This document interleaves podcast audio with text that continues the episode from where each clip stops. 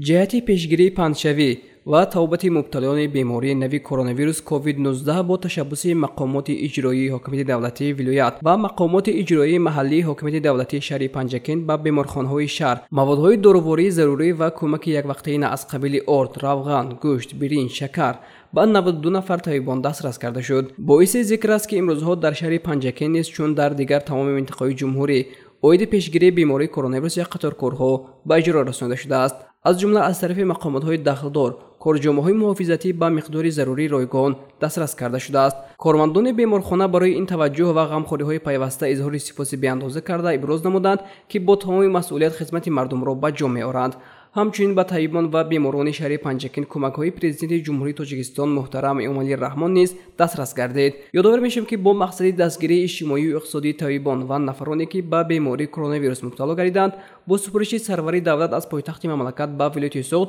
кӯмаки моддӣ. 140 адад мошини пурбор бо 900 тонна маводи озуқа ва доруворӣ дар умум ба маблағи 65 миллион сомонӣ ба маркази вилоят фиристода шуд дар ин замина ба шаҳри панҷакен низ миқдори муайяни кӯмакҳо дастрас гардид